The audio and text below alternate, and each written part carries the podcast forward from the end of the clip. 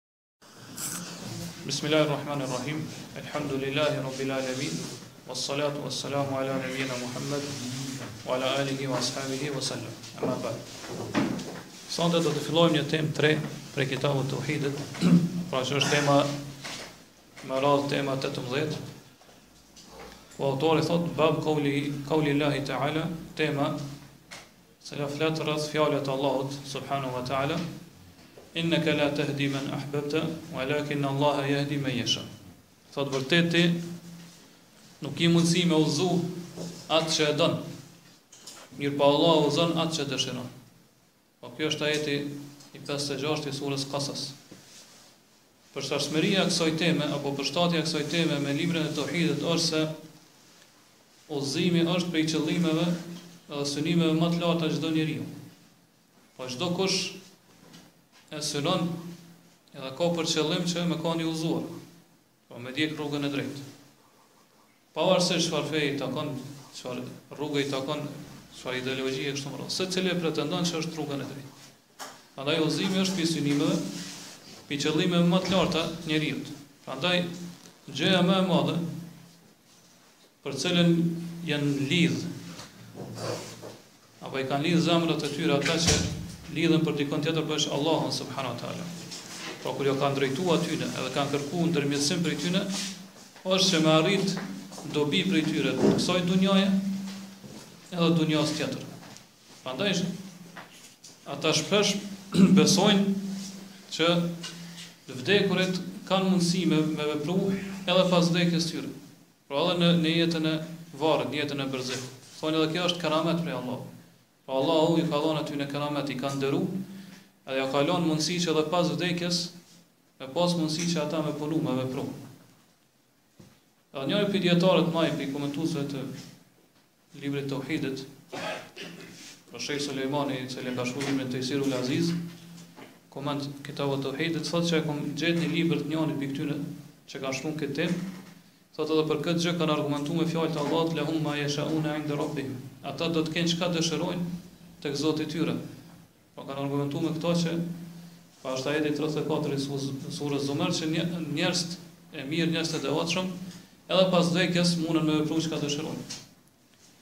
Edhe shohim që e kemi përmendur më herët kur e kanë lavdëruar disa prej tyre Muhamedin sallallahu alaihi wasallam në poezitë e tyre, çka ka thonë? Ka thonë fa inna min jundi judi ka dunya wa darratuha. Tha prej bujarisë tane është dunjaja dhe çka ka në ta, këtë të mirat e dunjas.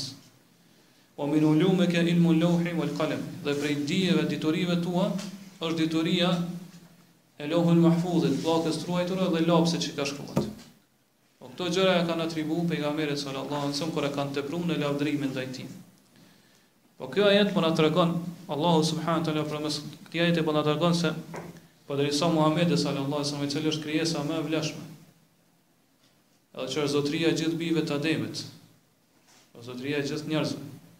Allahu subhanahu wa taala po mohon që ai e zotëron udhëzimin e dikujt tjetër ose e posedon.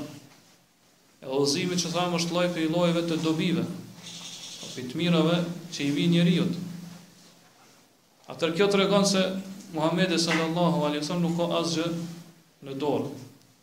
Pra gjithë çështja i takon Allahut subhanahu wa taala. Qysh e kemi përmend edhe më herët në temën cilën e sjell autori rreth fjalës së Allahut e yushrikune ma la yakhluqu shay'an wa hum yukhlaqun. Domethënë a mos i bojnë ata shok Allahut subhanahu wa taala gjëra që nuk krijojnë asgjë kurse vetë janë të krijuar. E kemi thonë që po ashtu e kemi përmend edhe ajetin edhe shkakun e zbritjes të ajetit ku Allah subhanahu wa taala i thot pejgamberit sallallahu alaihi wasallam leysa laka min al-amri shay ti nuk ki asgjë në dorë po ti nuk posedon nuk zotëron asgjë pi çështjeve të këtij universi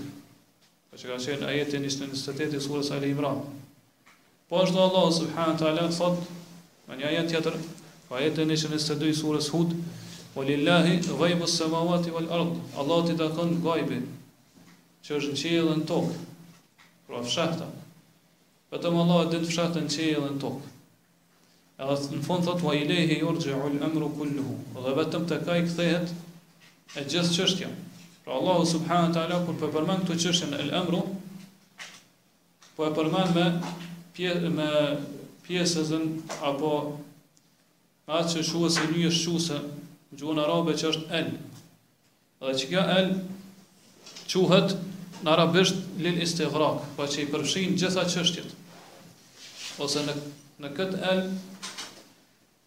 përfshihen çdo çështje. Pra gjitha çështjet janë në dorën e Allahut subhanahu teala. Ngase kjo el vjen si zavendësim i fjalës kul. Po kuptimi i ajetit është wa ilayhi yurja'u kullu al-amr, dhe te Allahu subhanahu teala kthehet e gjithë çështja.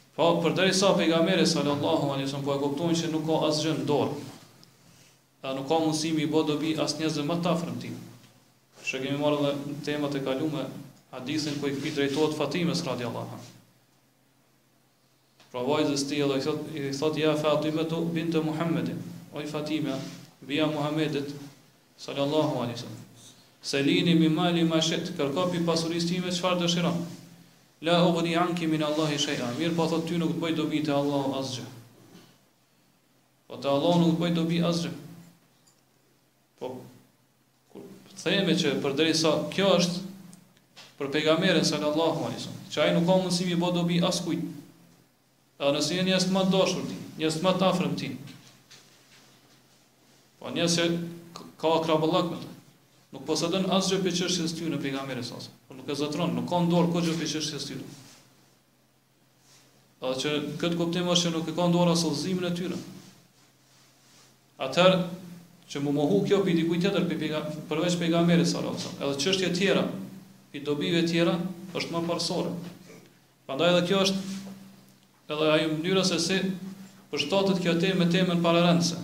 Po tema pararendëse ka qenë tema rreth shefatit, rreth ndërmjetësimit. Edhe atë kemi sqaruar që pejgamberi sallallahu alaihi wasallam nuk ka mundësi askon Mi bo dobi as me shpëtu pi ndëshkimit dënimit t'Allahut ditën e Kijametit. Përderisa nuk ka mundësi në ditën e Kijametit me ndërmjetësu për ta atëherë edhe në këtë jetë, këtë botë pejgamberi sallallahu alejhi wasallam nuk ka mundësi me udhëzu askënd. Pra, këtu po e kuptojmë kotësinë e mushrikëve të kohërave të ndryshme, edhe më herët, edhe në kohën e sotshme. Cilët do thotë I lidhin zemrat e tyre për dikun tjetër përveç Allahut subhanahu wa taala. Qysh kuptohet kjo? Kotësia e kësaj kuptohet se për çdo kënd që ata ju lidh përveç Allahut subhanahu wa taala, ai është nën pozitën e pejgamberit sallallahu alaihi wasallam. Dhe kjo me ixhmon konsensusin e krejt dijetarve. Askush nuk ka pozitë më të lartë se sa Muhamedi sallallahu alaihi wasallam. Allahu këtu po na tregon gjendjen e pejgamberit sallallahu alaihi wasallam. Edhe po mohon që Muhamedi sallallahu alaihi wasallam ka mundësi mi bë dobi dikujt tjetër. Përveç Allahu subhanahu wa taala. Pra mi dhon diçka pi të mirave të dobive çështjeve të ksaj dunjaje. Përderisa Allahu po mohon kët për pejgamberin sallallahu alaihi wasallam, atëherë të mohohet kjo pi dikujt tjetër veç pejgamberi sa është më parsore. Pavarësisht a është ai pi evliave, apo pi besimtarëve të devotshëm, Pavarësisht çfarë shkalle, çfarë grade ka arrit ai në devotshmëri, a tek Allahu subhanahu wa taala. Por ata nuk ka mundësi që nuk nuk lejohet që do thonë dikush të kërkojë pi tyre diçka që ata nuk posedojnë, nuk nuk zotërojnë, ose të kërkojë pi tyre diçka që ata nuk kanë mundësi m'i dhonë. Do thotë pasi që të vdesin, po edhe në jetën e kësaj bote nuk lejohet me u kërku prej tyne, gjëra që ata nuk kanë nuk i zotërojnë mirë, po janë vetëm në zotërimin e Allahu subhanahu taala. Po këtu autori po sjell ajetin sikur do thot po e titullon temën me me ajetin. Tash kemi thënë se kjo tregon se e gjithë tema, e cila do të shtjellohet,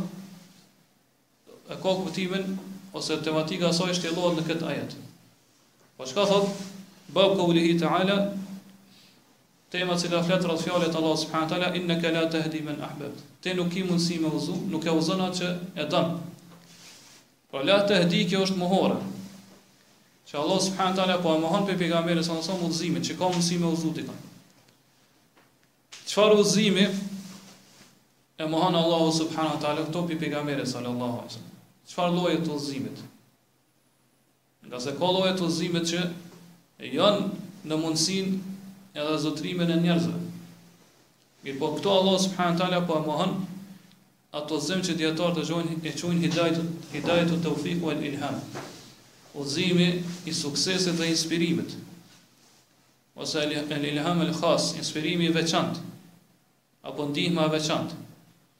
Po kjo është ajo që dijetarët e shohin hidayatu tawfiq wal ilham, udhëzimi i dhënies së suksesit dhe inspirimit. Pra kuptimi i kësaj është se Allahu subhanahu wa taala e vendos udhëzimin në zemrën e robit. Pra vendos një lloj ndihme të veçantë që ai pastaj me pranu udhëzimin. Edhe këtë e vendos në zemrat e disa pi robve, jo, jo të krejtëve. Pra, suks, dhënia e suksesit është kur Allahu subhanahu wa taala dëshiron me i dhon sukses dikujt. Edhe me inspiru, po e ndihmon me me, me ndihmë të veçantë që ai me pranu udhëzimin. Pra pranon udhëzimin, edhe pastaj punon me këtë udhëzim.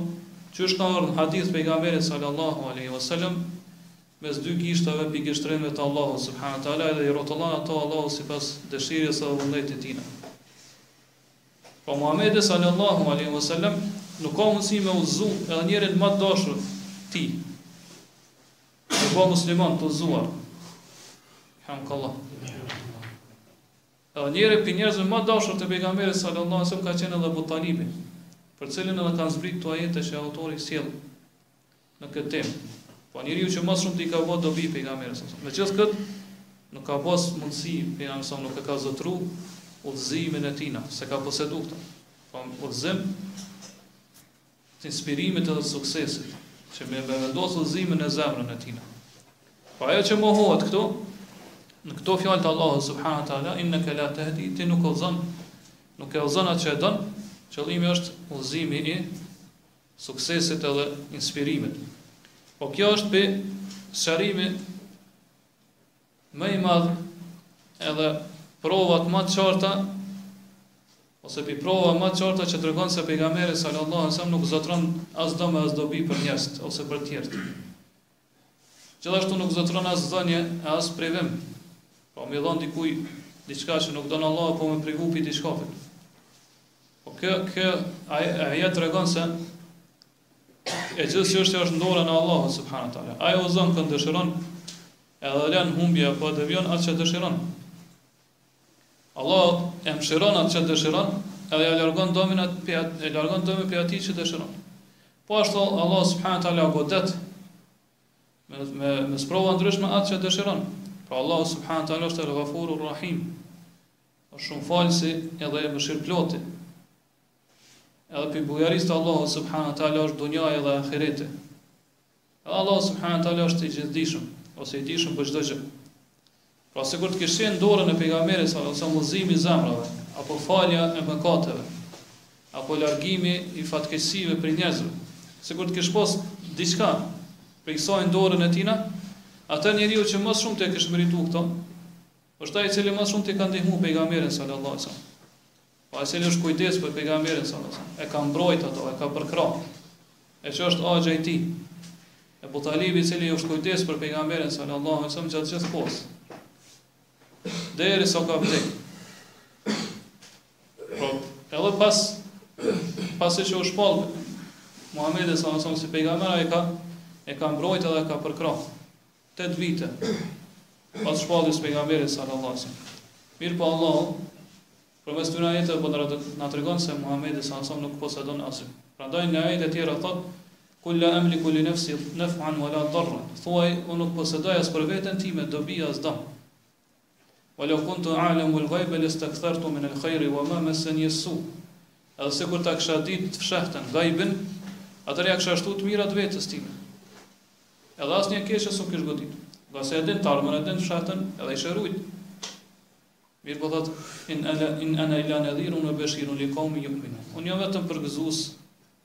Edhe tërheqës i vërejtjes për popullin që beson ose për një popull që beson. Dhe ky është ajeti i surës Araf, ajeti 187. Po ashtu Allahu thotë: "Kul la aqulu lakum indi khazainu Allah." Thuaj atyre, unë nuk ju them juve që unë kam depot e Allahut, pra depot e furnizimit, të rizkut.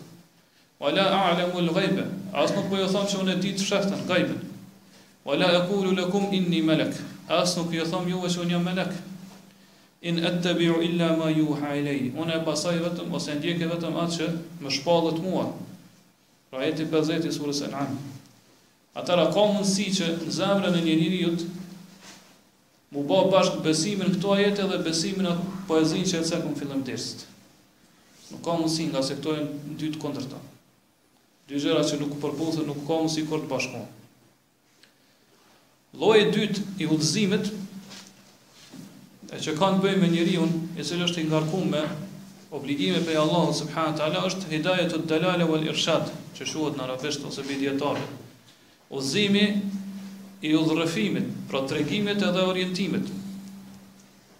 Kjo pohohet për pejgamberin sallallahu alajhi wasallam në veçanti, mirëpo edhe për çdo kënd i cili i thrret njerëzit në dr në drejt Allahut subhanahu taala.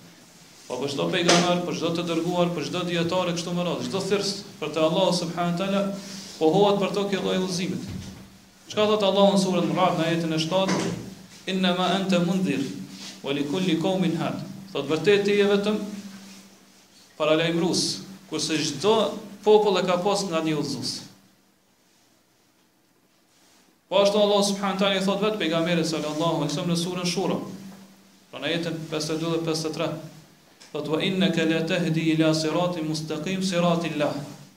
Thotë vërtet ti udhëzon në rrugën e drejtë, në rrugën e Allahut subhanahu teala.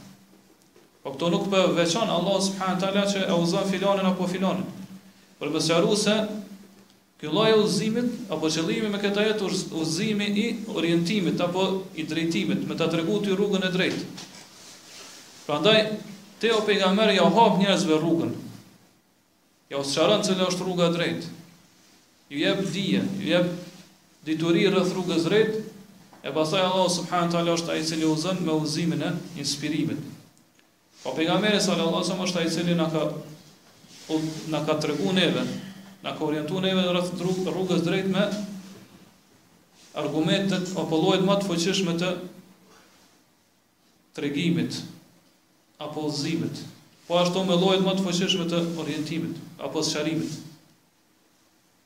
Edhe krejt këto, Allahu subhanahu wa taala e ka ndihmu përmes mrekullive, edhe përmes provave, fakteve, që tregojnë për vërtetësinë e këtij udhërrëfysi, edhe për vërtetësinë e këtij sqarusi, apo këtij i cili na tregon rrugën e drejtë. Prandaj, udhëzimi të cilin Allahu subhanahu wa taala ka mohu në këtë ajet që e ka sjellë autori është hidayatu tawfiq, udhëzimi i inspirimit.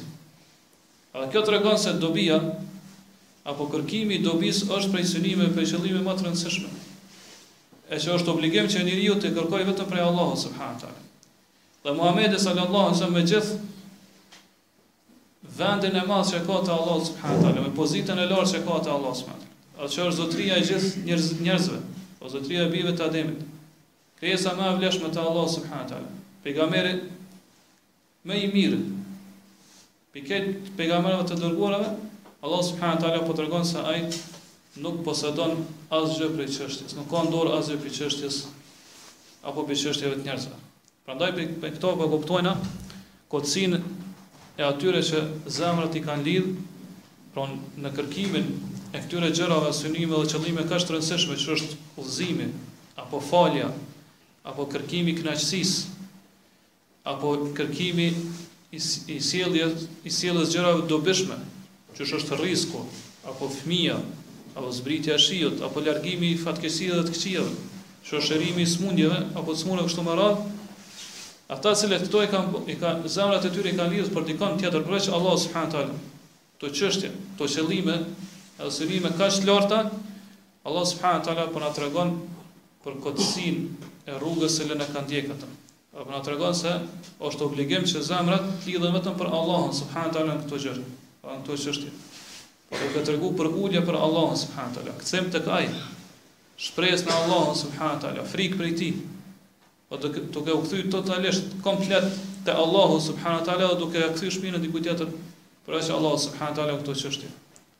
Prandaj nuk këto gjëra nuk lejohet të kërkohen prej dikujt tjetër veç Allahut subhanahu wa taala. As pavarësisht a është pejgamber apo i dërguar.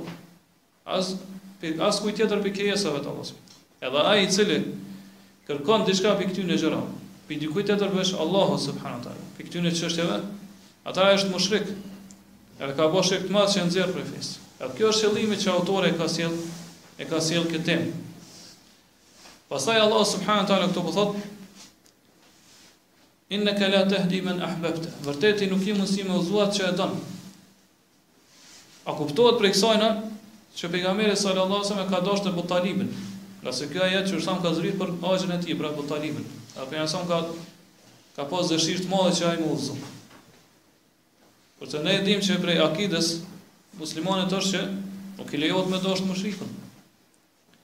Atëherë qysh interpretohet ky ajet? Dijetarët i kanë dhënë disa interpretime. E para është që thuhet se ti, domethënë këtu e kem një kundrinë që nuk përmendet. Po qëllimi është që ti nuk ki mundësi me uzu ose nuk mundesh me uzu atë që e don udhëzimin e tina, jo që e don ato personalisht.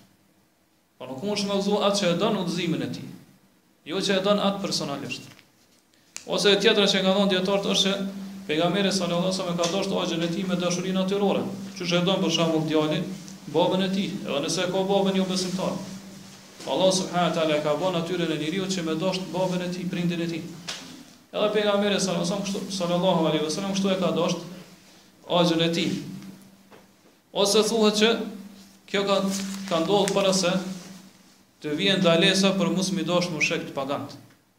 Mirëpo prej këtyne interpretimeve i pari është më afër të vërtetës. Pra Allahu subhanahu wa taala po i thotë pejgamberit sallallahu alajhi wasallam që ti nuk ke mundësi me dashtë atë që e dëshiron edhe e don udhëzimin e tijna, jo që e don atë vetë personin. Edhe kjo është e përgjithshme për Abu Talibin edhe të tjerët përveç Abu Talibit.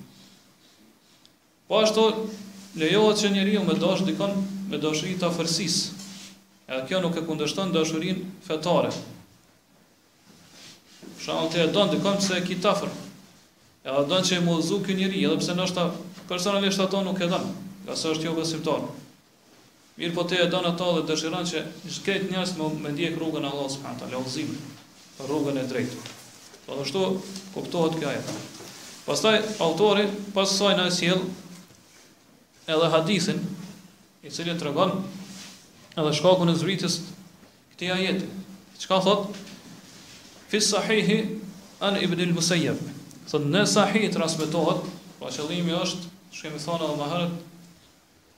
Që kjo është një terminologji e veçantë për autorin, e na duhet t'i kthehemi ta shikojmë hadithin se kush transmeton, në cilat, në cilin sahih.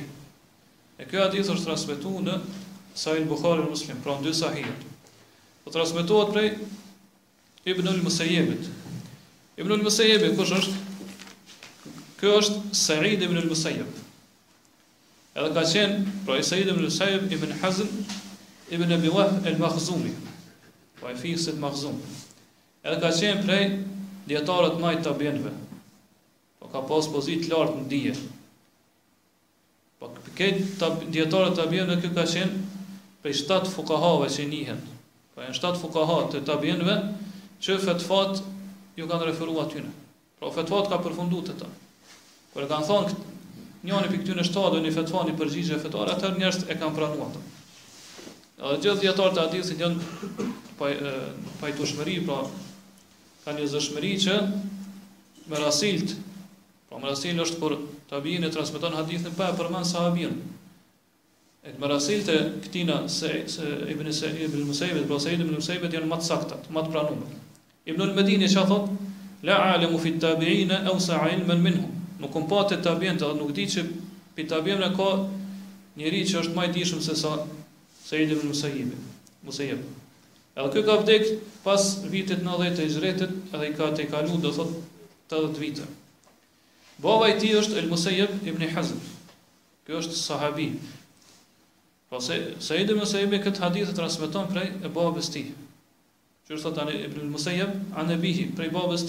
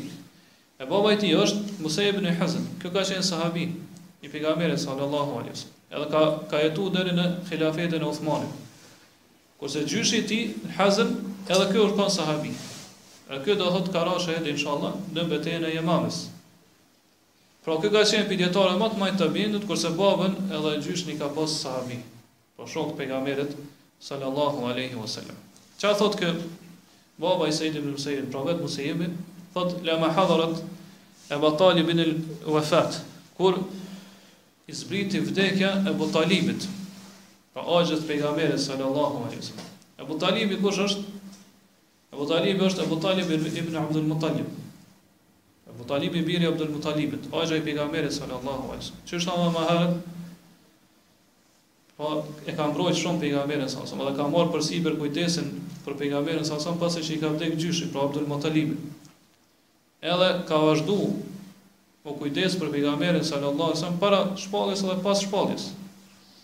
Po vazhdimisht e ka mbrojt Pejgamberin salallahu alejhi ve selem, e ka përkrah ato, deri në vitin e tetë pas shpalljes pejgamberit salallahu alejhi ve selem, kurrë nuk është nda prej tina. Edhe ka bo sabër, ato vujtjet, ato Vështirësitë që i ka përjetu Pejgamberi sallallahu alejhi wasallam prej mushrikëve të Kurejsh, edhe ky i ka përjetu së bashku me ta. Por nuk u nda kurrë prej Pejgamberit sallallahu alejhi wasallam, edhe ka dhënë shumë prej pasurisë tina që me ndihmu Pejgamberin sallallahu alejhi wasallam. Prandaj edhe Pejgamberi sallallahu alejhi wasallam i ka kushtu kujdes të veçantë dhe ka pas dëshirë të madhe që me udhëzu axhin e tij. Po vazhdimisht ia ka përkujtu udhëzimin kështu me radhë që ndoshta bëhet sebeb që Allahu me shpëtu prej zjarrit të xhehenemit. E prej kësajna është edhe kjo që e përmend në këtë hadith, që pejgamberi salallahu alejhi ve selem kur i ka ardhur, do thotë Ebu Talibit vdekja, ka zbrit vdekja, ka shku tek ai. Edhe, do thotë, e ka thirr në islam, me thonë shehadetin, qysh kena me pa në këtë, këtë hadith. Po pejgamberi salallahu alejhi ve selem i ka kushtu atë kujdes të veçantë axhës tina. Edhe ta për vëtim për gjesti. E prej kësaj përfitojna që dhe vëgjia duhet m'i kushtu kujdes t'afërmve t'tij, pra.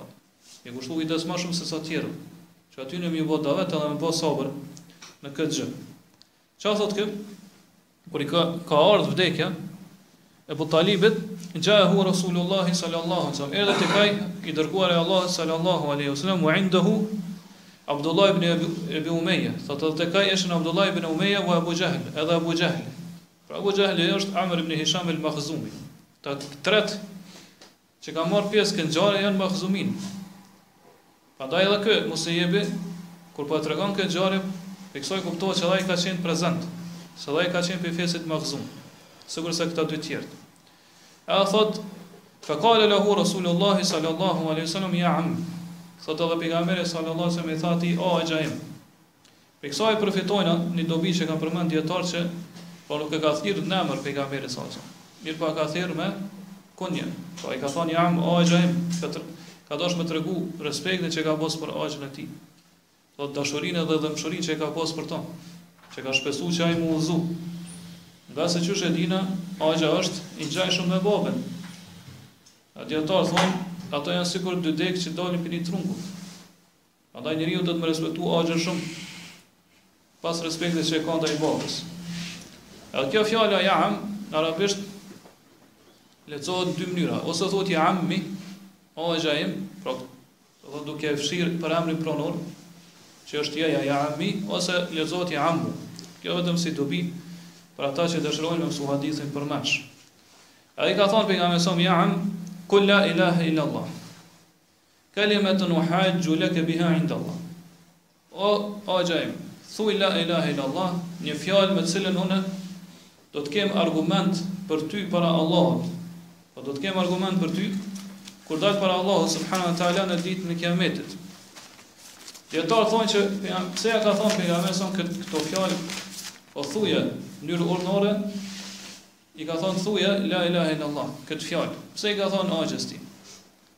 Disa kanë thënë që këtë e ka thonë në formën e urdhnimit, po ka dashtë me urdhnu, edhe me obligu që me thonë këtë fjalë, ngase ka pas obligim pejgamberi a.s. që me urdhnu tjerët me thonë la ilahe illallah.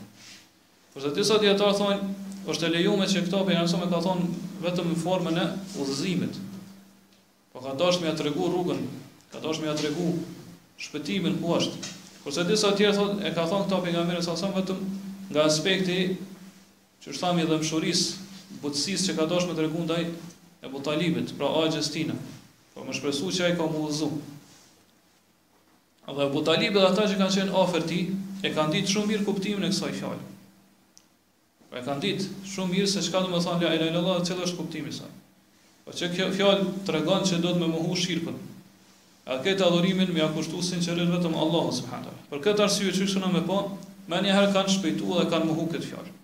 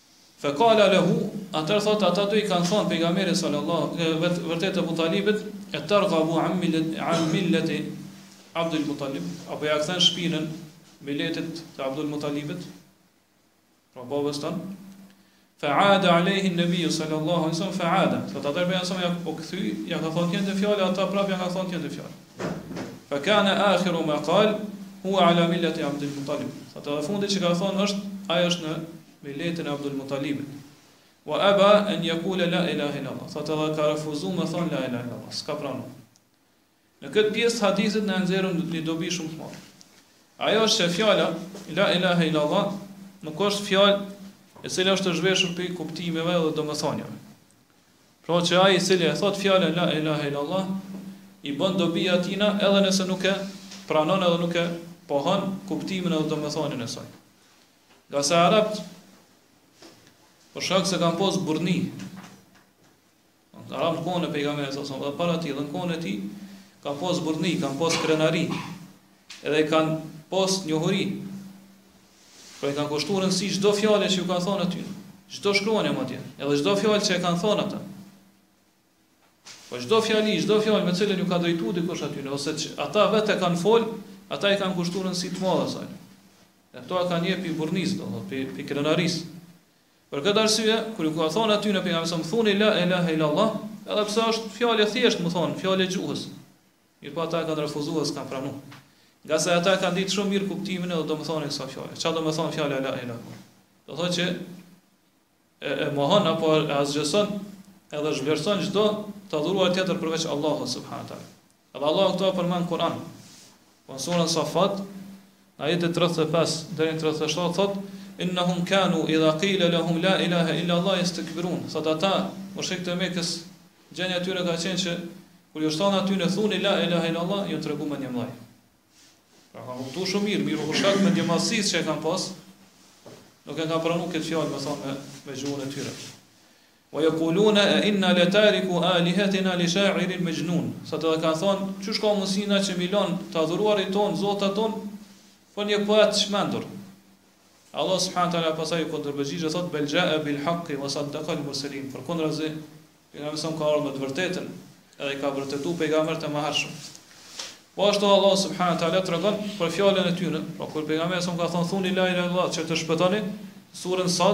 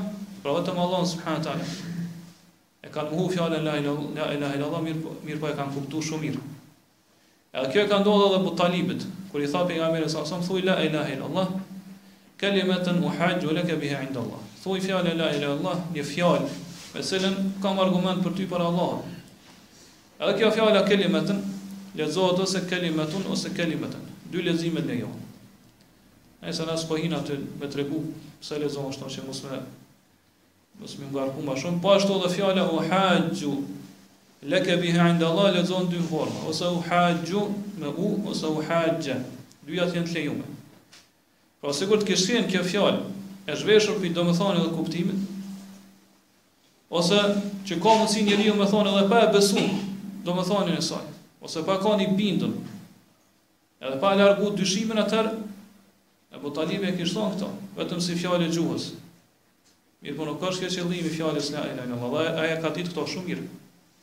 Po qëllimi i thënies apo fjalës la ilahe illallah është që ti me thonë ato duke pas bindje të plot në, në kuptimin e saj. Duke largu çdo dyshim, çdo mëdyshje, duke pas dije, dituri, edhe dashuri ndaj saj. Edhe tjera prej kushteve që i përmendin dijetarët që janë prej kushteve të fjalës la ilahe illallah, prej cilat është mirë do thotë çdo musliman mi ditë ato. Pra nëse Ebu Talibi e kishte thonë këtë fjalë me bindje, me dije dhe me bindje, atëherë ai ish distancu, ai ish pastru prej çdo shirku, edhe prej mushrikëve, edhe kish hyrë në Islam. Mirëpo ai nuk e ka thonë këto. Ngase e ka ditë se çka do me thonë, me thonë fjalën la ilaha illallah.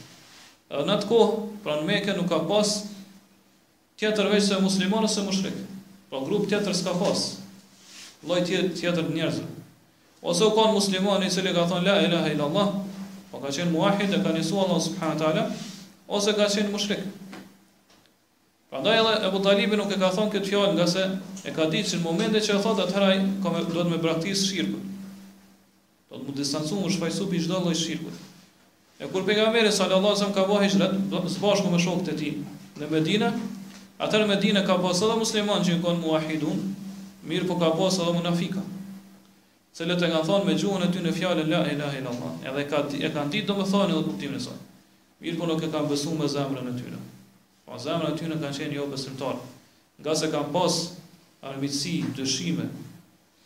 urrejtje edhe me dyshje rreth kësaj fjale.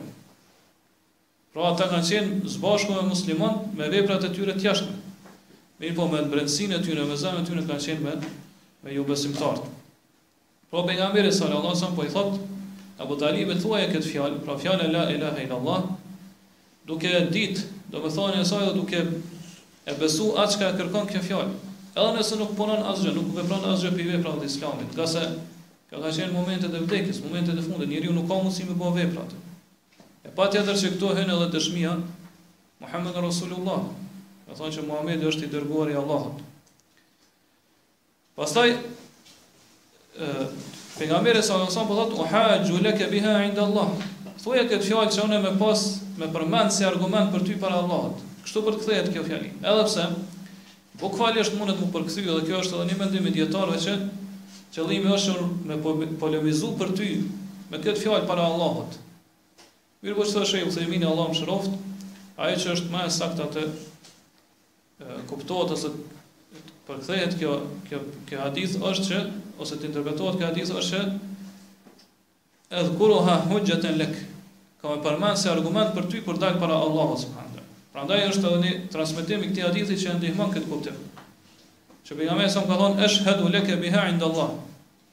Po çka n'Sahih Muslim. Ka me dëshmu për ty me këtë fjalë te Allahu subhanahu teala. Edhe pejgamberi sallallahu alajhi wasallam po ja përmend këtë gjë Ebu Talibit për çfarë arsye po ja përmend këtë dobi? Po qëllimi i tij ka ka qenë që me nxit Ebu Talibin me pranu këtë fjalë. Po thuaje se un kam me pas argument për ty para Allahut, pra ka pas e ka pas për qëllim me nxit Ebu Talibin që me pranu këtë fjalë edhe me thon. Edhe këtu e nxjerrim një dobi që ai që i thirr tjerët, pra thirrësit që i thirr njerëzit për te Allahu subhanahu wa taala, ata duhet që mi përgëzu ata. Vazhdimisht. Do thotë mi përgëzu në hajr, mi nxit në hajr. Edhe me këtë me u tregu atyne rezultatin e mirë, përfundimin e mirë nëse ata do thotë i përgjigjen thirrjes, a i përgjigjen fesë t'Allahut subhanahu wa taala.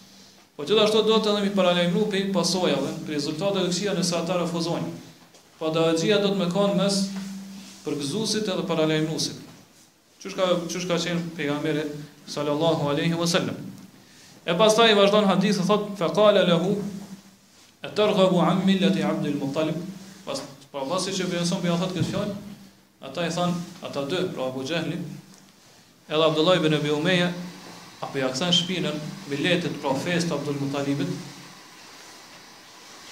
Këtu e shohim se si rrezikun e madh që përmend autori në çështje që i nxjerr ose që përfiton prej kësaj teme, rrezikun e madh mu shoqëru me shokët e këqij. Me shokët të cilët do thot devijojnë prej rrugës drejtë t'Allahut subhanahu wa ta'ala. Pra po ata cilët ja kanë thonë këtë fjalë, është Abdullah ibn Abi Umeja dhe Abu Xhehli, edhe kanë sjellë këto në formë të pytjes, mënyrë që me mohu, apo me refuzu, fjallën la ilaha illa Allah. Ngase qysh thamë ata e kanë ditë shumë mirë kuptimin e kësaj. Pra nëse Abu Talib e thotë fjallën e sinceritetit,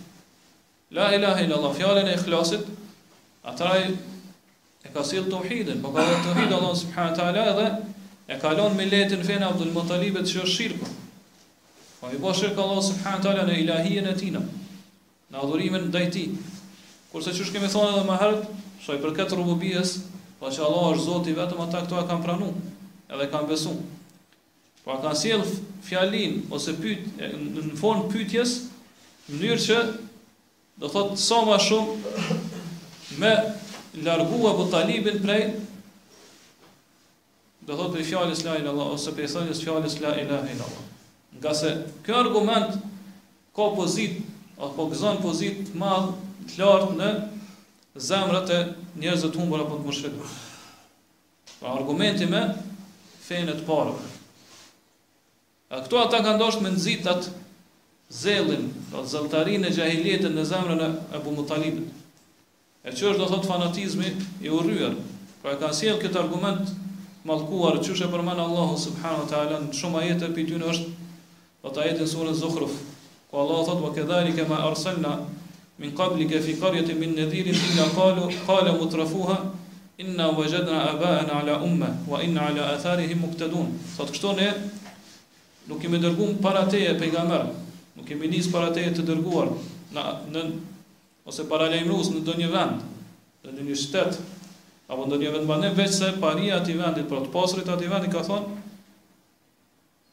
Argumenti i tyre çka ka qenë? Ne i kemi gjetë baballarët tonë, i kemi gjetë të parët tonë në, në një fe.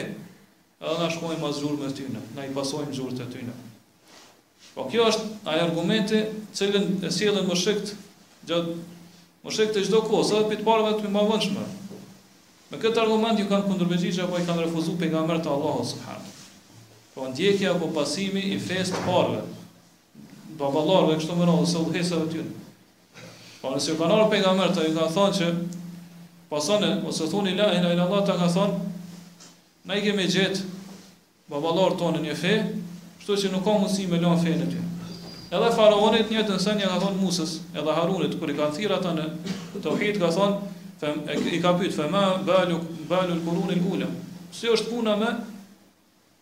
Gjeneratat që kanë kalu. Po ka sjell si argument kufrin edhe shirkun në të cilin kanë qenë paraardhësit e tina, pra baballarët e tina dhe gjeneratat që kanë kalu. Po kjo është argument i vazhdueshëm tek mushrikët. Gjithmonë ata edhe tek njerëzit në përgjithësi, gjithmonë ata argumentohen që ne i kemi gjetë të parët tonë në këtë fe, ose i kemi gjetë të parët tonë në këtë rrugë, edhe na shkojmë pas tyre.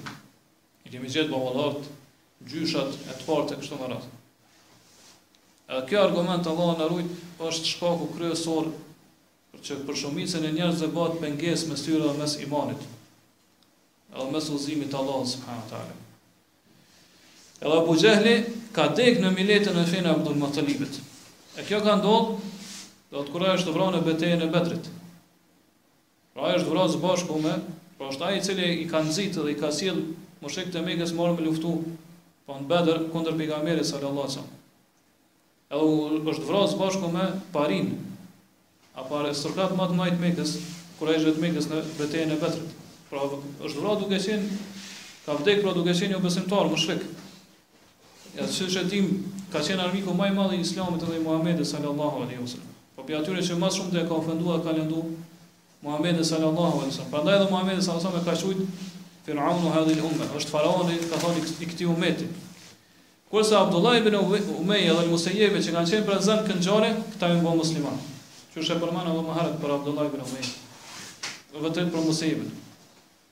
Po prej ktyne tre persona që kan prezentu këtë ngjarje dy jan bo musliman kurse njo ka vdek në kufër pasaj thot fe ade alejhi nebiu sallallahu alaihi wasallam masi ata ja kan thon këtë fjalë pra nëse ja ka përsërit prap po prap i ka thon thuj fjalën la ilaha illallah të kem argument për ty para Allahut subhanahu wa taala Kjo tregon që davetxhia, pra thirrësi për te Allahu subhanahu wa taala nuk duhet kurrë të dëshprohet, nuk duhet kurrë me humb shpresën.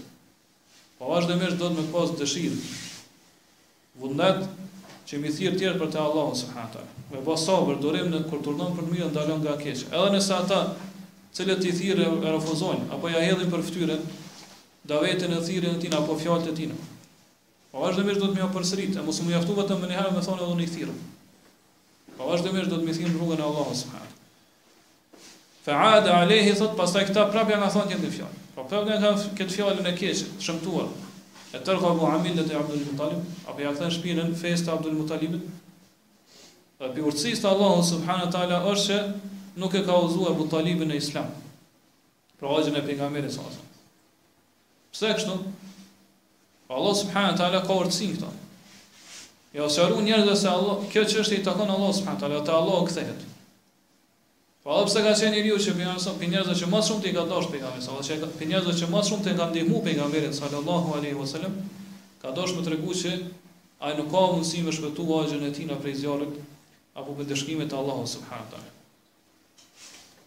Mirëpo, do thotë aty ka parapri vendimi përfundimtar që e ka vendosur Allahu subhanahu teala për ta.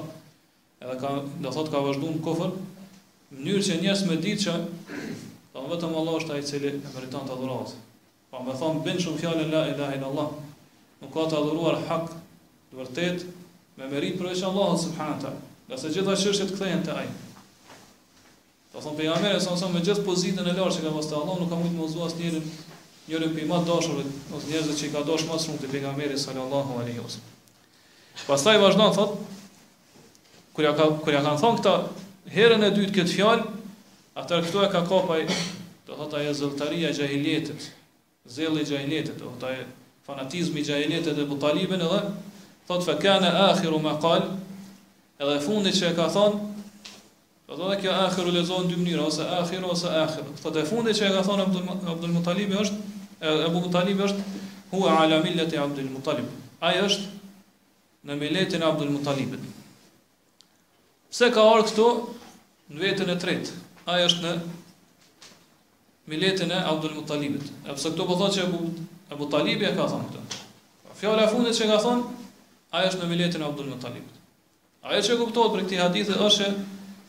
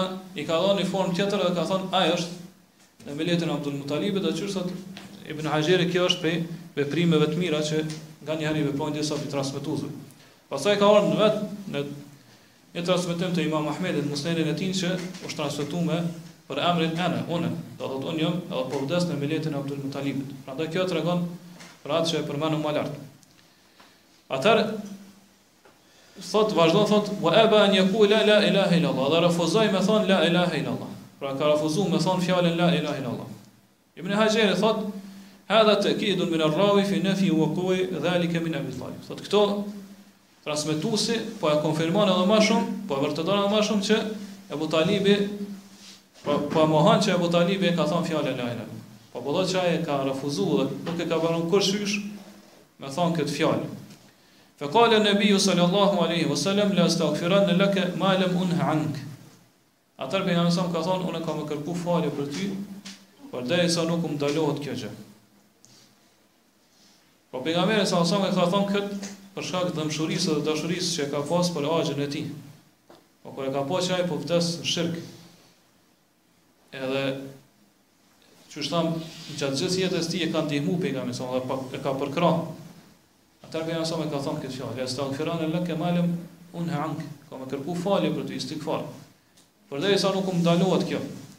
Kjo kjo tregon, do thot atë dhembshurinë e plot që e ka pas pejgamberi sallallahu alejhi ve sellem që ka dasht me ia shpërbly me të mirë, axhës tina i cili e ka ndihmu, pra me ia kthy të mirën me të mirë, me kërku falje për të te Allahu subhanehu teala përderisa nuk i ndalohet. Dhe kjo është pjesa e hadithit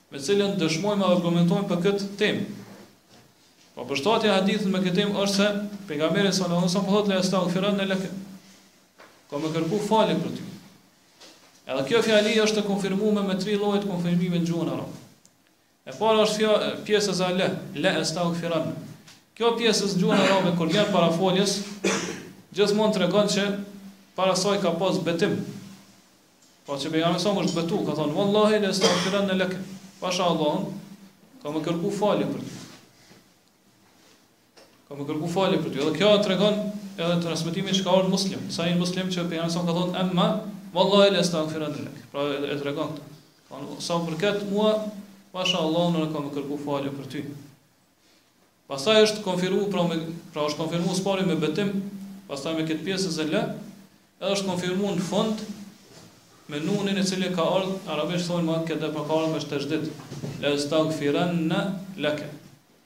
Po pejgamberi sallallahu aleyhi wa sallam, ka dasht me tregu që gjithqysh ka me kërku falje për të, ka me kërku falje për Ebu Talibin. Çka thot imam Neveviu, pra Para kësaj, në para se me tregu fjalën e Imam Neveviut, dijetarët thonë që, pra qysh thamë dhe më herët, istigfari është kërkimi i faljes, edhe Pejgamberi sallallahu alejhi ve sellem sikur e ka pas një breng që e ka brengos zemrën e tina, ngase po thotë, ma lem unhe ankë, ose ankë, përderisa nuk më ndalohet kjo,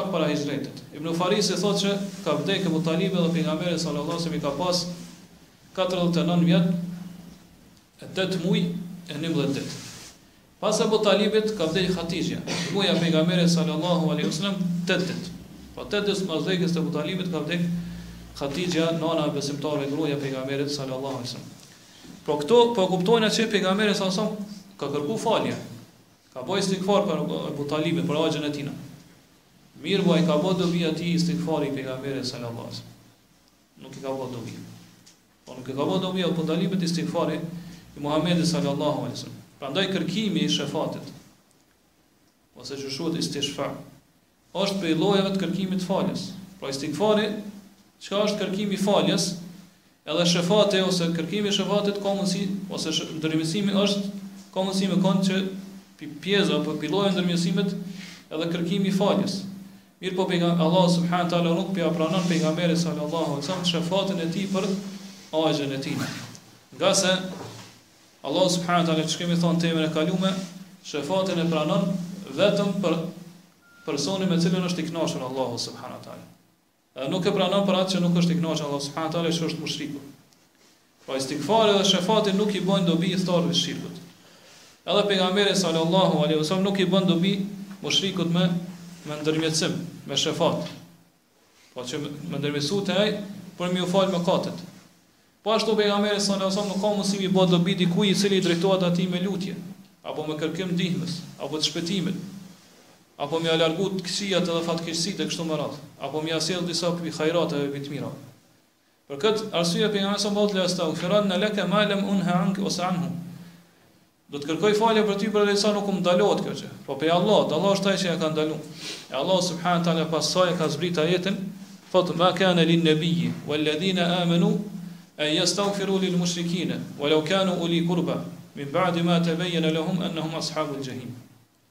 Po nuk i takon pejgamberit sa sa, nuk i lejohet. As atyre që kanë besu, me kërku istikfar, me kërku falje, për mushrikt, edhe nëse ata janë njerëzit më të afërm tyne. Po pasi që ju ka bo e qartë atyne se ata janë prej banorve zjarrit xhehnemit, po kanë vdek në këtë gjendje. Po ky është ajeti i surës Teube, ajeti 113. Po kjo është shumë e qartë për temën që ne jemi duke fol, pra që Allahu subhanahu wa taala ja ka ndaluar pejgamberit sallallahu alaihi wasallam të kërkojë falje për mushrikët. Ktu kemi një dobi që sjellin dijetarët thonë fjala ma kana lin nabi që ka këtu. Fjala ma kana nuk i takon pejgamberit sallallahu alaihi wasallam. Kur vjen n'Kuran dhe Sunet ka dy kuptime. Po e para është ndalesa. Po ashtu në këtë kuptim vijnë edhe disa fjalë tjera në gjuhën në Kur'an edhe në Sunet, që është ma jenbeghi ose la jenbeghi, nuk i takon ose nuk duhet. Kur të vjen kjo në Kur'an, në disa vene vjen në kuptimin e ndalesës, pra qëllimi është që kjo është skajshmërisht e pamundur me ndodhë. Po skajshmërisht është e pamundur me ndodhë kjo gjë. Në disa raste e ka qëllimin e mohimit, po jo ndalimit, mirëpo të mohimit. Për shembull, sa i përket ndalesës, është ky ajet që e ka që e sjell po transmetuesi n'këtë hadith. Ma kana lin nabiyyi wal ladhina amanu yastaghfiru lil mushrikin. Nuk i takon pejgamberit sa as atyre që kanë besuar me kërku istighfar për për mushrikët. Po ashtu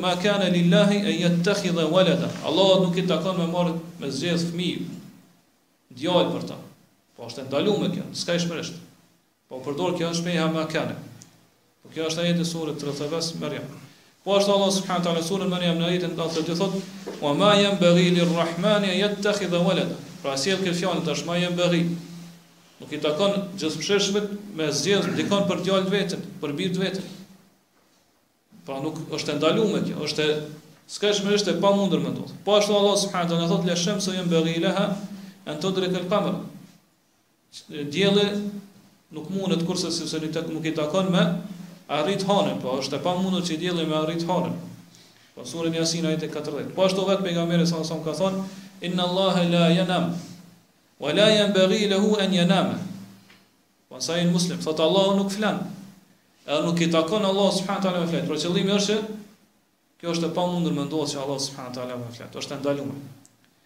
Edhe në këtë ajet pra ka ardhur ma kane. Pra çështja kjo ma kane vjen dy kuptime kurse qëllimi këtë ajet është ndalesa. Pra që Allah subhanahu wa taala ka ndalu pejgamberin sa sa që me kërku istighfar, pra me lyp falje për dikon prej mushrikëve. Edhe nëse ata janë të afërmit të tij. Për këtë arsye, pejgamberi sa sa kur ka bo umre, në një rast edhe ka kalu afër varrit nanës tina.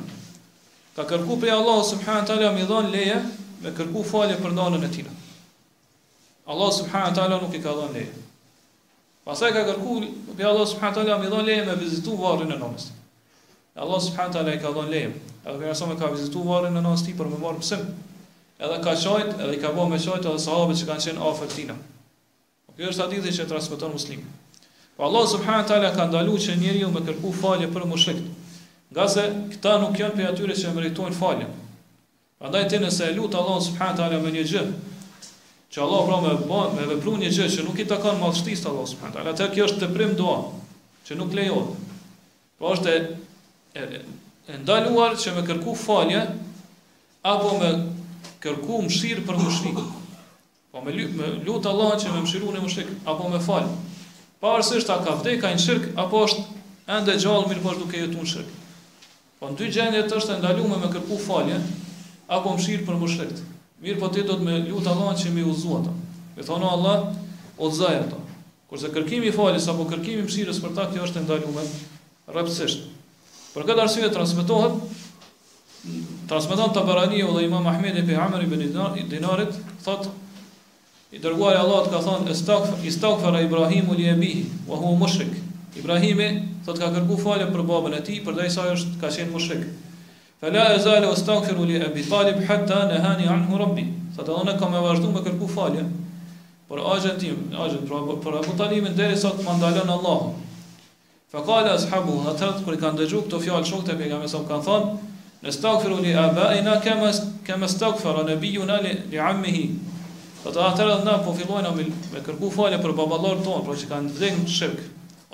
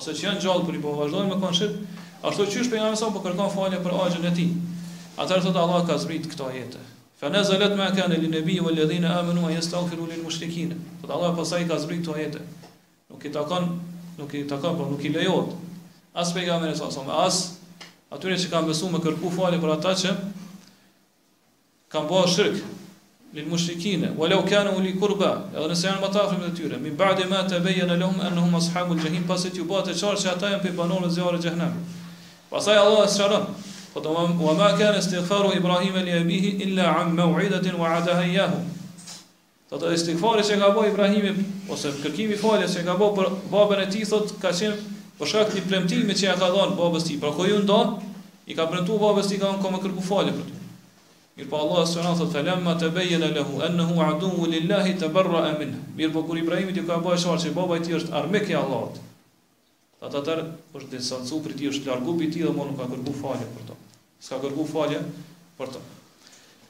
Prandaj Allahu subhanahu wa taala prandaj s'ja ka ndalu pejgamberëve të dërguarve njerëzve të devotshëm, po njerëz njerëz të mirë, Njerëz që kanë frikë Allahut subhanahu wa taala, ja ka ndaluar që gjatë jetës së tyre me kërku falje për mushrikët.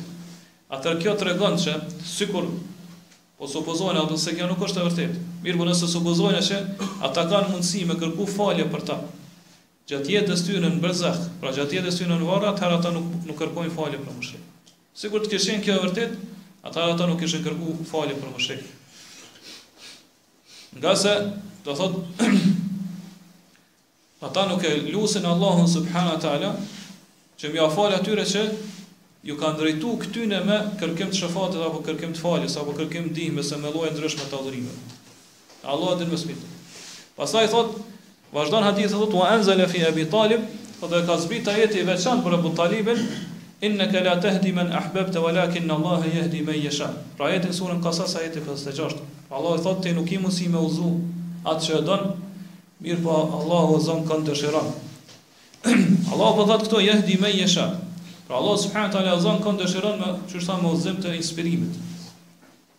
sipas dëshirës tina. Këtu duhet me ditë një gjë që është me rëndësi, se çdo vepër që i atribuohet dëshirës të Allahut subhanahu wa taala, atëher kjo vepër është shkon së bashku ose i bashkangjitet edhe urtësia. Urtësia Allahu subhanahu wa taala. Pra, atë që Allah, urtësia Allahu subhanahu wa taala kërkon me udhzu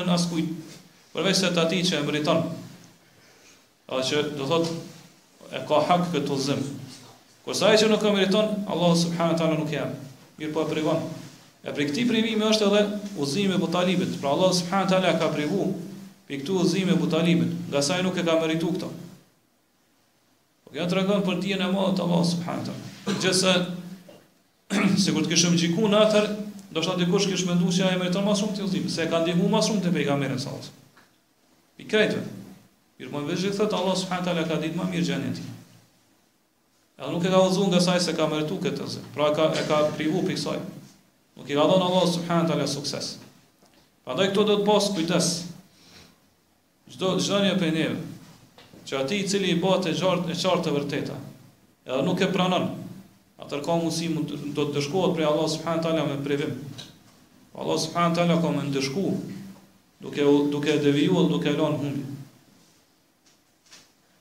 Edhe duke mos pas mundësi pastaj me pranu të vërtetën pas kësaj.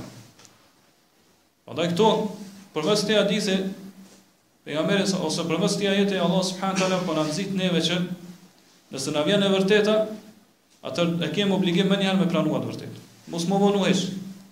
Menjëherë me pranu hakun të vërtetën. Ngase ai i cili vonohet edhe nuk e pranon të vërtetën.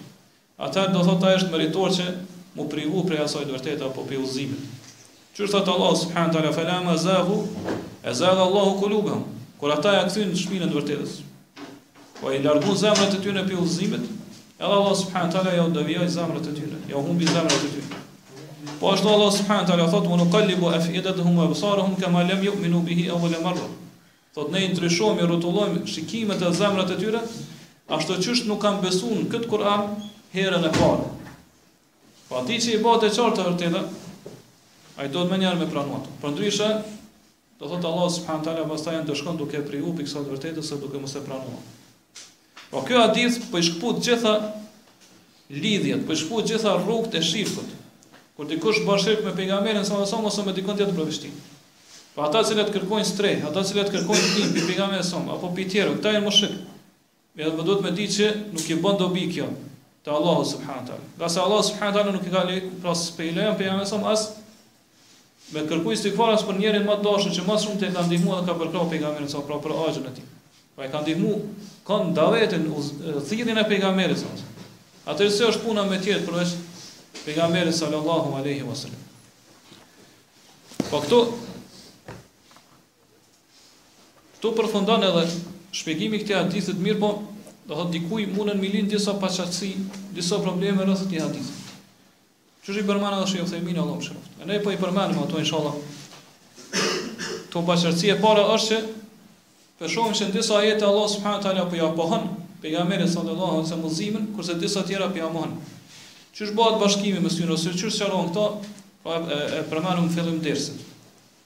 Pra që qëllimi me udhëzimin që mohohet është udhëzimi i inspirimit apo suksesit dhe kjo është n'dorën e Allahut.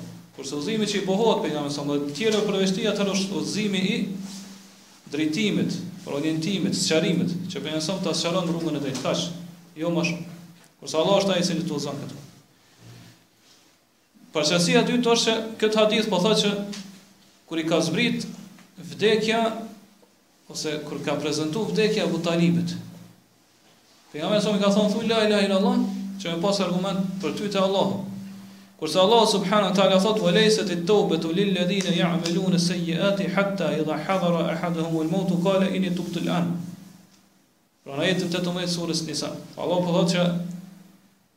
Allahu nuk e pranon pendimin e atyre të cilët kur t'ju vjen vdekja, po kur t'ju zbret vdekja, thonë na kemi besuar dhe tash jemi penduar. Pra ata që thot kanë bërë këqija, po kanë qenë jobesimtarë, apo kanë qenë besimtarë, mirëpo kanë bërë mëkate të mëdha, dhe s'jan pendu derisa i ka arrit vdekja, Allah subhanahu taala po thotë që ai që thot, ai që thot n'këto momente, unë tash jam pendu, Nuk nuk i pranohet pendimi. Kurse hadithi po tregon që sikur të kish thënë Ebu Talibi fjalën la ilahe illallah ju kish pranu pendimi. Qysh i përgjigjemi kësaj? Kësaj i përgjigjemi njërën prej dy mënyrave. E para është që në fjalët në hadithet që kanë ardhur se kur i ka ardhur vdekja Ebu Talibit qëllimi është kur i kanë ardhur shenjat e vdekjes. Pra ende s'ka zbrit vdekja në shtratin e e vdekjes do thotë n'shtratin e tij. Mirëpo kanë filluar mu dok alametet, shenjat, sinjalet e vdekjes. Edhe ai e ka ditë që është duke shku drejt vdekjes. Do nuk ka rrugë tjetër, është duke shku, mirëpo ende s'ka zbrit vdekja. E sipas kësaj, atëherë kjo nuk e kundërshton ajetin. Kjo s'e kundërshton ajetin. Përndryshe, do thotë momentet kur njeriu e shef vdekjen me sy. Po kur i vjen fyti në shpirti n'fyt,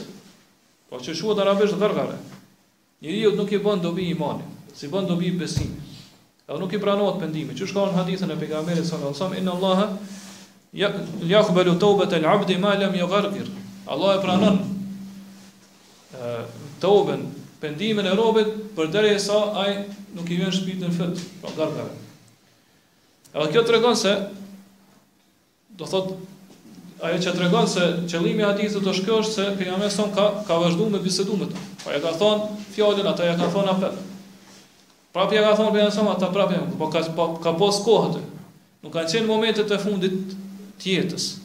Po ka pas përsëritje të fjalëve mes tij dhe mes Ebu Talibit.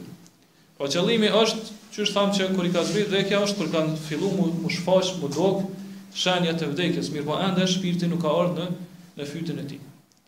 E ai që pendohet n'këto momente, i pranohet pendimi edhe besimi në në Allahun. Mirëpo, kjo ka mundësi mu interpretu edhe ndryshe. Edhe kjo, me lejen e Allahut, është mendimi më i saktë. Po ka mundësi, po interpretohet që ai ka ardhur në këtë, këtë, në këtë gjendje. Po ka ardhur në këto momente Ebu Talibi. Po i ka zbrit vdekja dhe kanë qenë momentet e fundit të jetës tina. Mirëpo pejgamberi sallallahu alajhi wasallam ka thënë këtë fjalë duke shpresuar që ai nëse e pranon tauhidin, edhe duke qenë në këtë gjendje, ka mi bë dobi. Pra kjo është e veçantë vetëm për Abu Talibin, jo për dikon tjetër veç Abu Talibit. Edhe që pejgamberi sallallahu alajhi lejohet me ndërmjetësu për Abu Talibin. Po kjo është mënyra e dytë qysh sqarohet kjo paqartësi në këtë hadith. Po është e veçantë vetëm për Abu Talibin. Kjo këto argumentohen nëpërmes dy mënyrave. E para është se pejgamberi sallallahu alajhi wasallam ka thënë thuj këtë fjalë la ilaha illallah Fjalë, Uhaxhu leke biha inda Allah, fjalë me të cilën kam, kam me përmend si argument për ty te Allahu, pra pejgamberi sa nuk nuk e ka thënë këto në mënyrë të vendosur që ka mi bë dobi. Pra ka shpresu, edhe nuk e ka thënë që nëse thu këtë fjalë, do thotë kjo fjalë ka me të nxjerr pej zjarrit të xhehenemit, ka me shpëtu. Mirëpo ka shpresu pejgamberi sa. Pra ka shpresu që për Abu Talibin është më e veçantë çështja. Edhe e dyta, është se pejgamberi sa sa ju ka leju me ndërmjetsu për Abu Talibin, po ka m'ju leju ditën e Kiametit, edhe pse ka vdekur në kufër, edhe pse ka vdekur si mushrik. Edhe kjo do thot nuk i lejohet për askënd tjetër, vetëm se për Abu Talibin që kemi përmend në temën e shefatit. Edhe shefati, ndërmjetësimi që ka me bë pejgamberi sa për Abu Talibin është vetëm m'ju lehtësu ndëshkimi atij. Jo ai me shpëtu pej zjarrit xhehnem. Ajo që tregon se Interpretimi i parë që ia kanë dhënë dijetarët apo përgjigjja e parë që ia kanë dhënë kësaj paqartësie apo këtij problemi që tregon se nuk është qëllimi që kanë fillu atij me ju duk ose me ju shfaq te ai shenjat e vdekjes është se është përdorur e njëjta fjalë si n'hadith si n'ajet. Pra pejgamberi transmetuesi thotë lema hadarat Eba Talibin el wefat.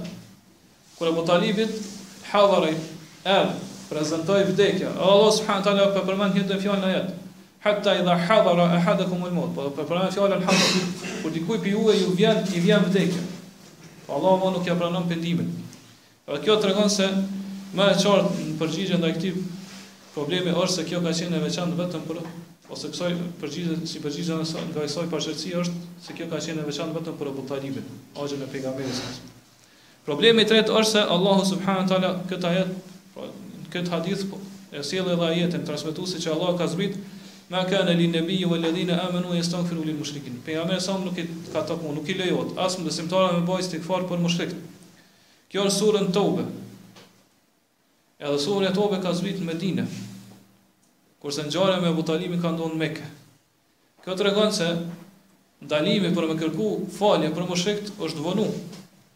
Por nuk ka ndodhur menjëherë pas vdekjes të Abu Talibit. Kurse këtu po thotë që fenezelet, po kjo kjo feja në arabisht tregon renditje.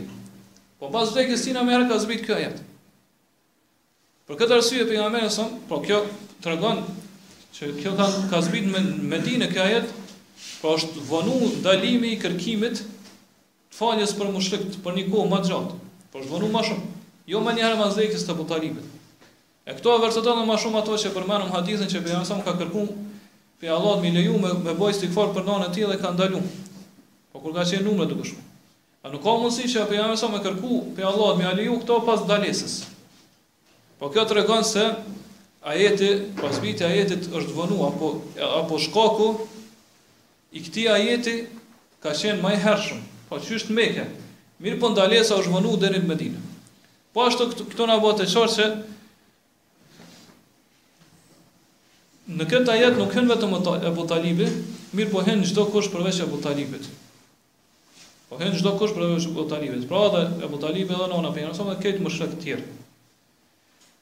Pra nuk është për qëllim që ky ajet ka zbrit menjëherë masi ka vdekë Ebu Talibi.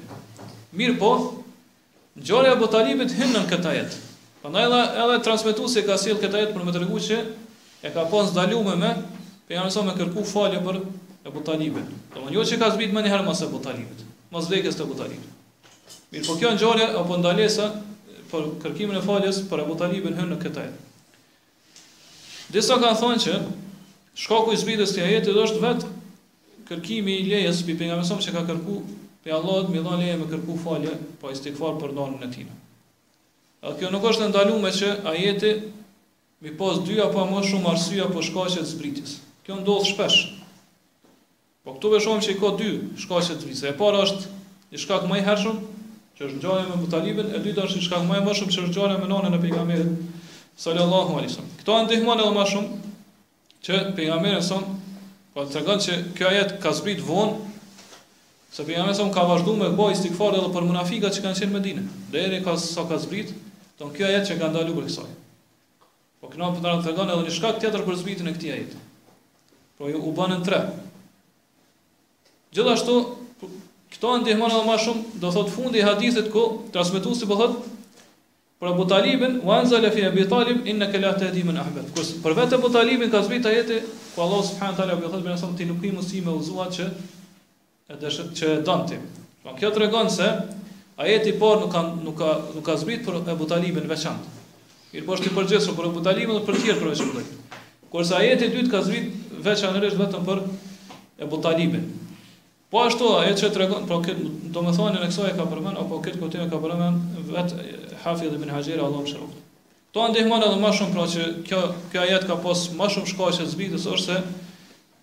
Në një rast Aliu radiallahu anhu, pra qysh e transmeton Imam Ahmedi këtë ngjarje ka dëgju, e ka dëgju një burrë duke kërku falje për prindët e tij, duke qenë mushrik.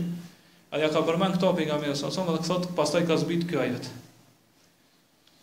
Edhe kjo është e lejuar, domethënë nuk ka kundërthënie apo kontradiktë mes këtyre haditheve. Ngase është e lejuar që për për një ajet me pas shumë shkaqe të zbritjes tina, me pas shkaqe të ndryshme zbritjes tina. Edhe problemi ose paqartësia problemi i katërt dhe i fundit është që disa prej dijetarëve kanë thonë është sunet është e preferume që me ba talkin ai që është momentet e vdekjes po jo mas vdekjes siç e bojnë te na çka është telkini apo talkini është që ti mi thonë atij thuj la ilahe illallah Thuaj la ilahe illallah. Mirpo dietarët thonë këtë tallkin ja bën të vdekurit pa i thon thuj. Po është sunet mi thon atina vetëm me përmend në prezencën e tij la ilahe illallah. Jo mi thon thuj. Ngase thot ai në momentet e vdekjes ajo është do thot gjendje e rëndë, gjendje e vështirë. Por është njeri në momentet e vdekjes, në agoninë e vdekjes, edhe ka mundësi do thot me ju ngushtu gjoksi. Mu hidhru. Edhe mos me pelqy kët fjalë, me urrejt apo do thot edhe me mohu, mos me than kto. Kurse pejgamberi sa pejgamberi sallallahu alaihi wasallam këtu po i thotë Ebu Talibit thuj. Qysh do thot kuptohet kjo? Dietarët po thonë është sunet me ja përmend tjetrit fjalën la ilahe illallah pa i thon thuj. Kurse pejgamberi sa po i thot thuj. Përgjigja është këtu se Ebu Talibi ka qenë jo besimtar. Prandaj kur i kur i ka thon atina thuj, e ka refuzuar atëherë ka mbet në kufrin e tina. Edhe nuk i ka bë dëm atina tallkini. Kështu që ai ose ka me vazhdu me mbet në kufrin e tina, edhe tallkini s'i bën dobi, ose e pranon tallkinin edhe, do thot, e udhëzon Allahu subhanehu. Kurse sa i përket muslimanit, ndryshon çështja. Dhe për muslimanin, është rrezik që atina mi thonë thuj, la ilahe illallah, thuj, thuj, ngase ka mundësi që, do thot, ai me urrejt këtë fjalë, e mos me pranu për shkak gjendjes vështirë dhe me, me më humër, Prandaj kështu kuptohet, do thotë ose sqarohet kjo paqartësi që mundet me lind dikujt, do thotë prej këtij hadithi. Pastaj autori i sjell edhe çështjet dobitë që përfitohen prej kësaj teme, na inshallah për këto do të flasim në dersin e ardhshëm Allahu alem. Wa sallallahu ala nabina Muhammad wa ala alihi wa ashabihi wa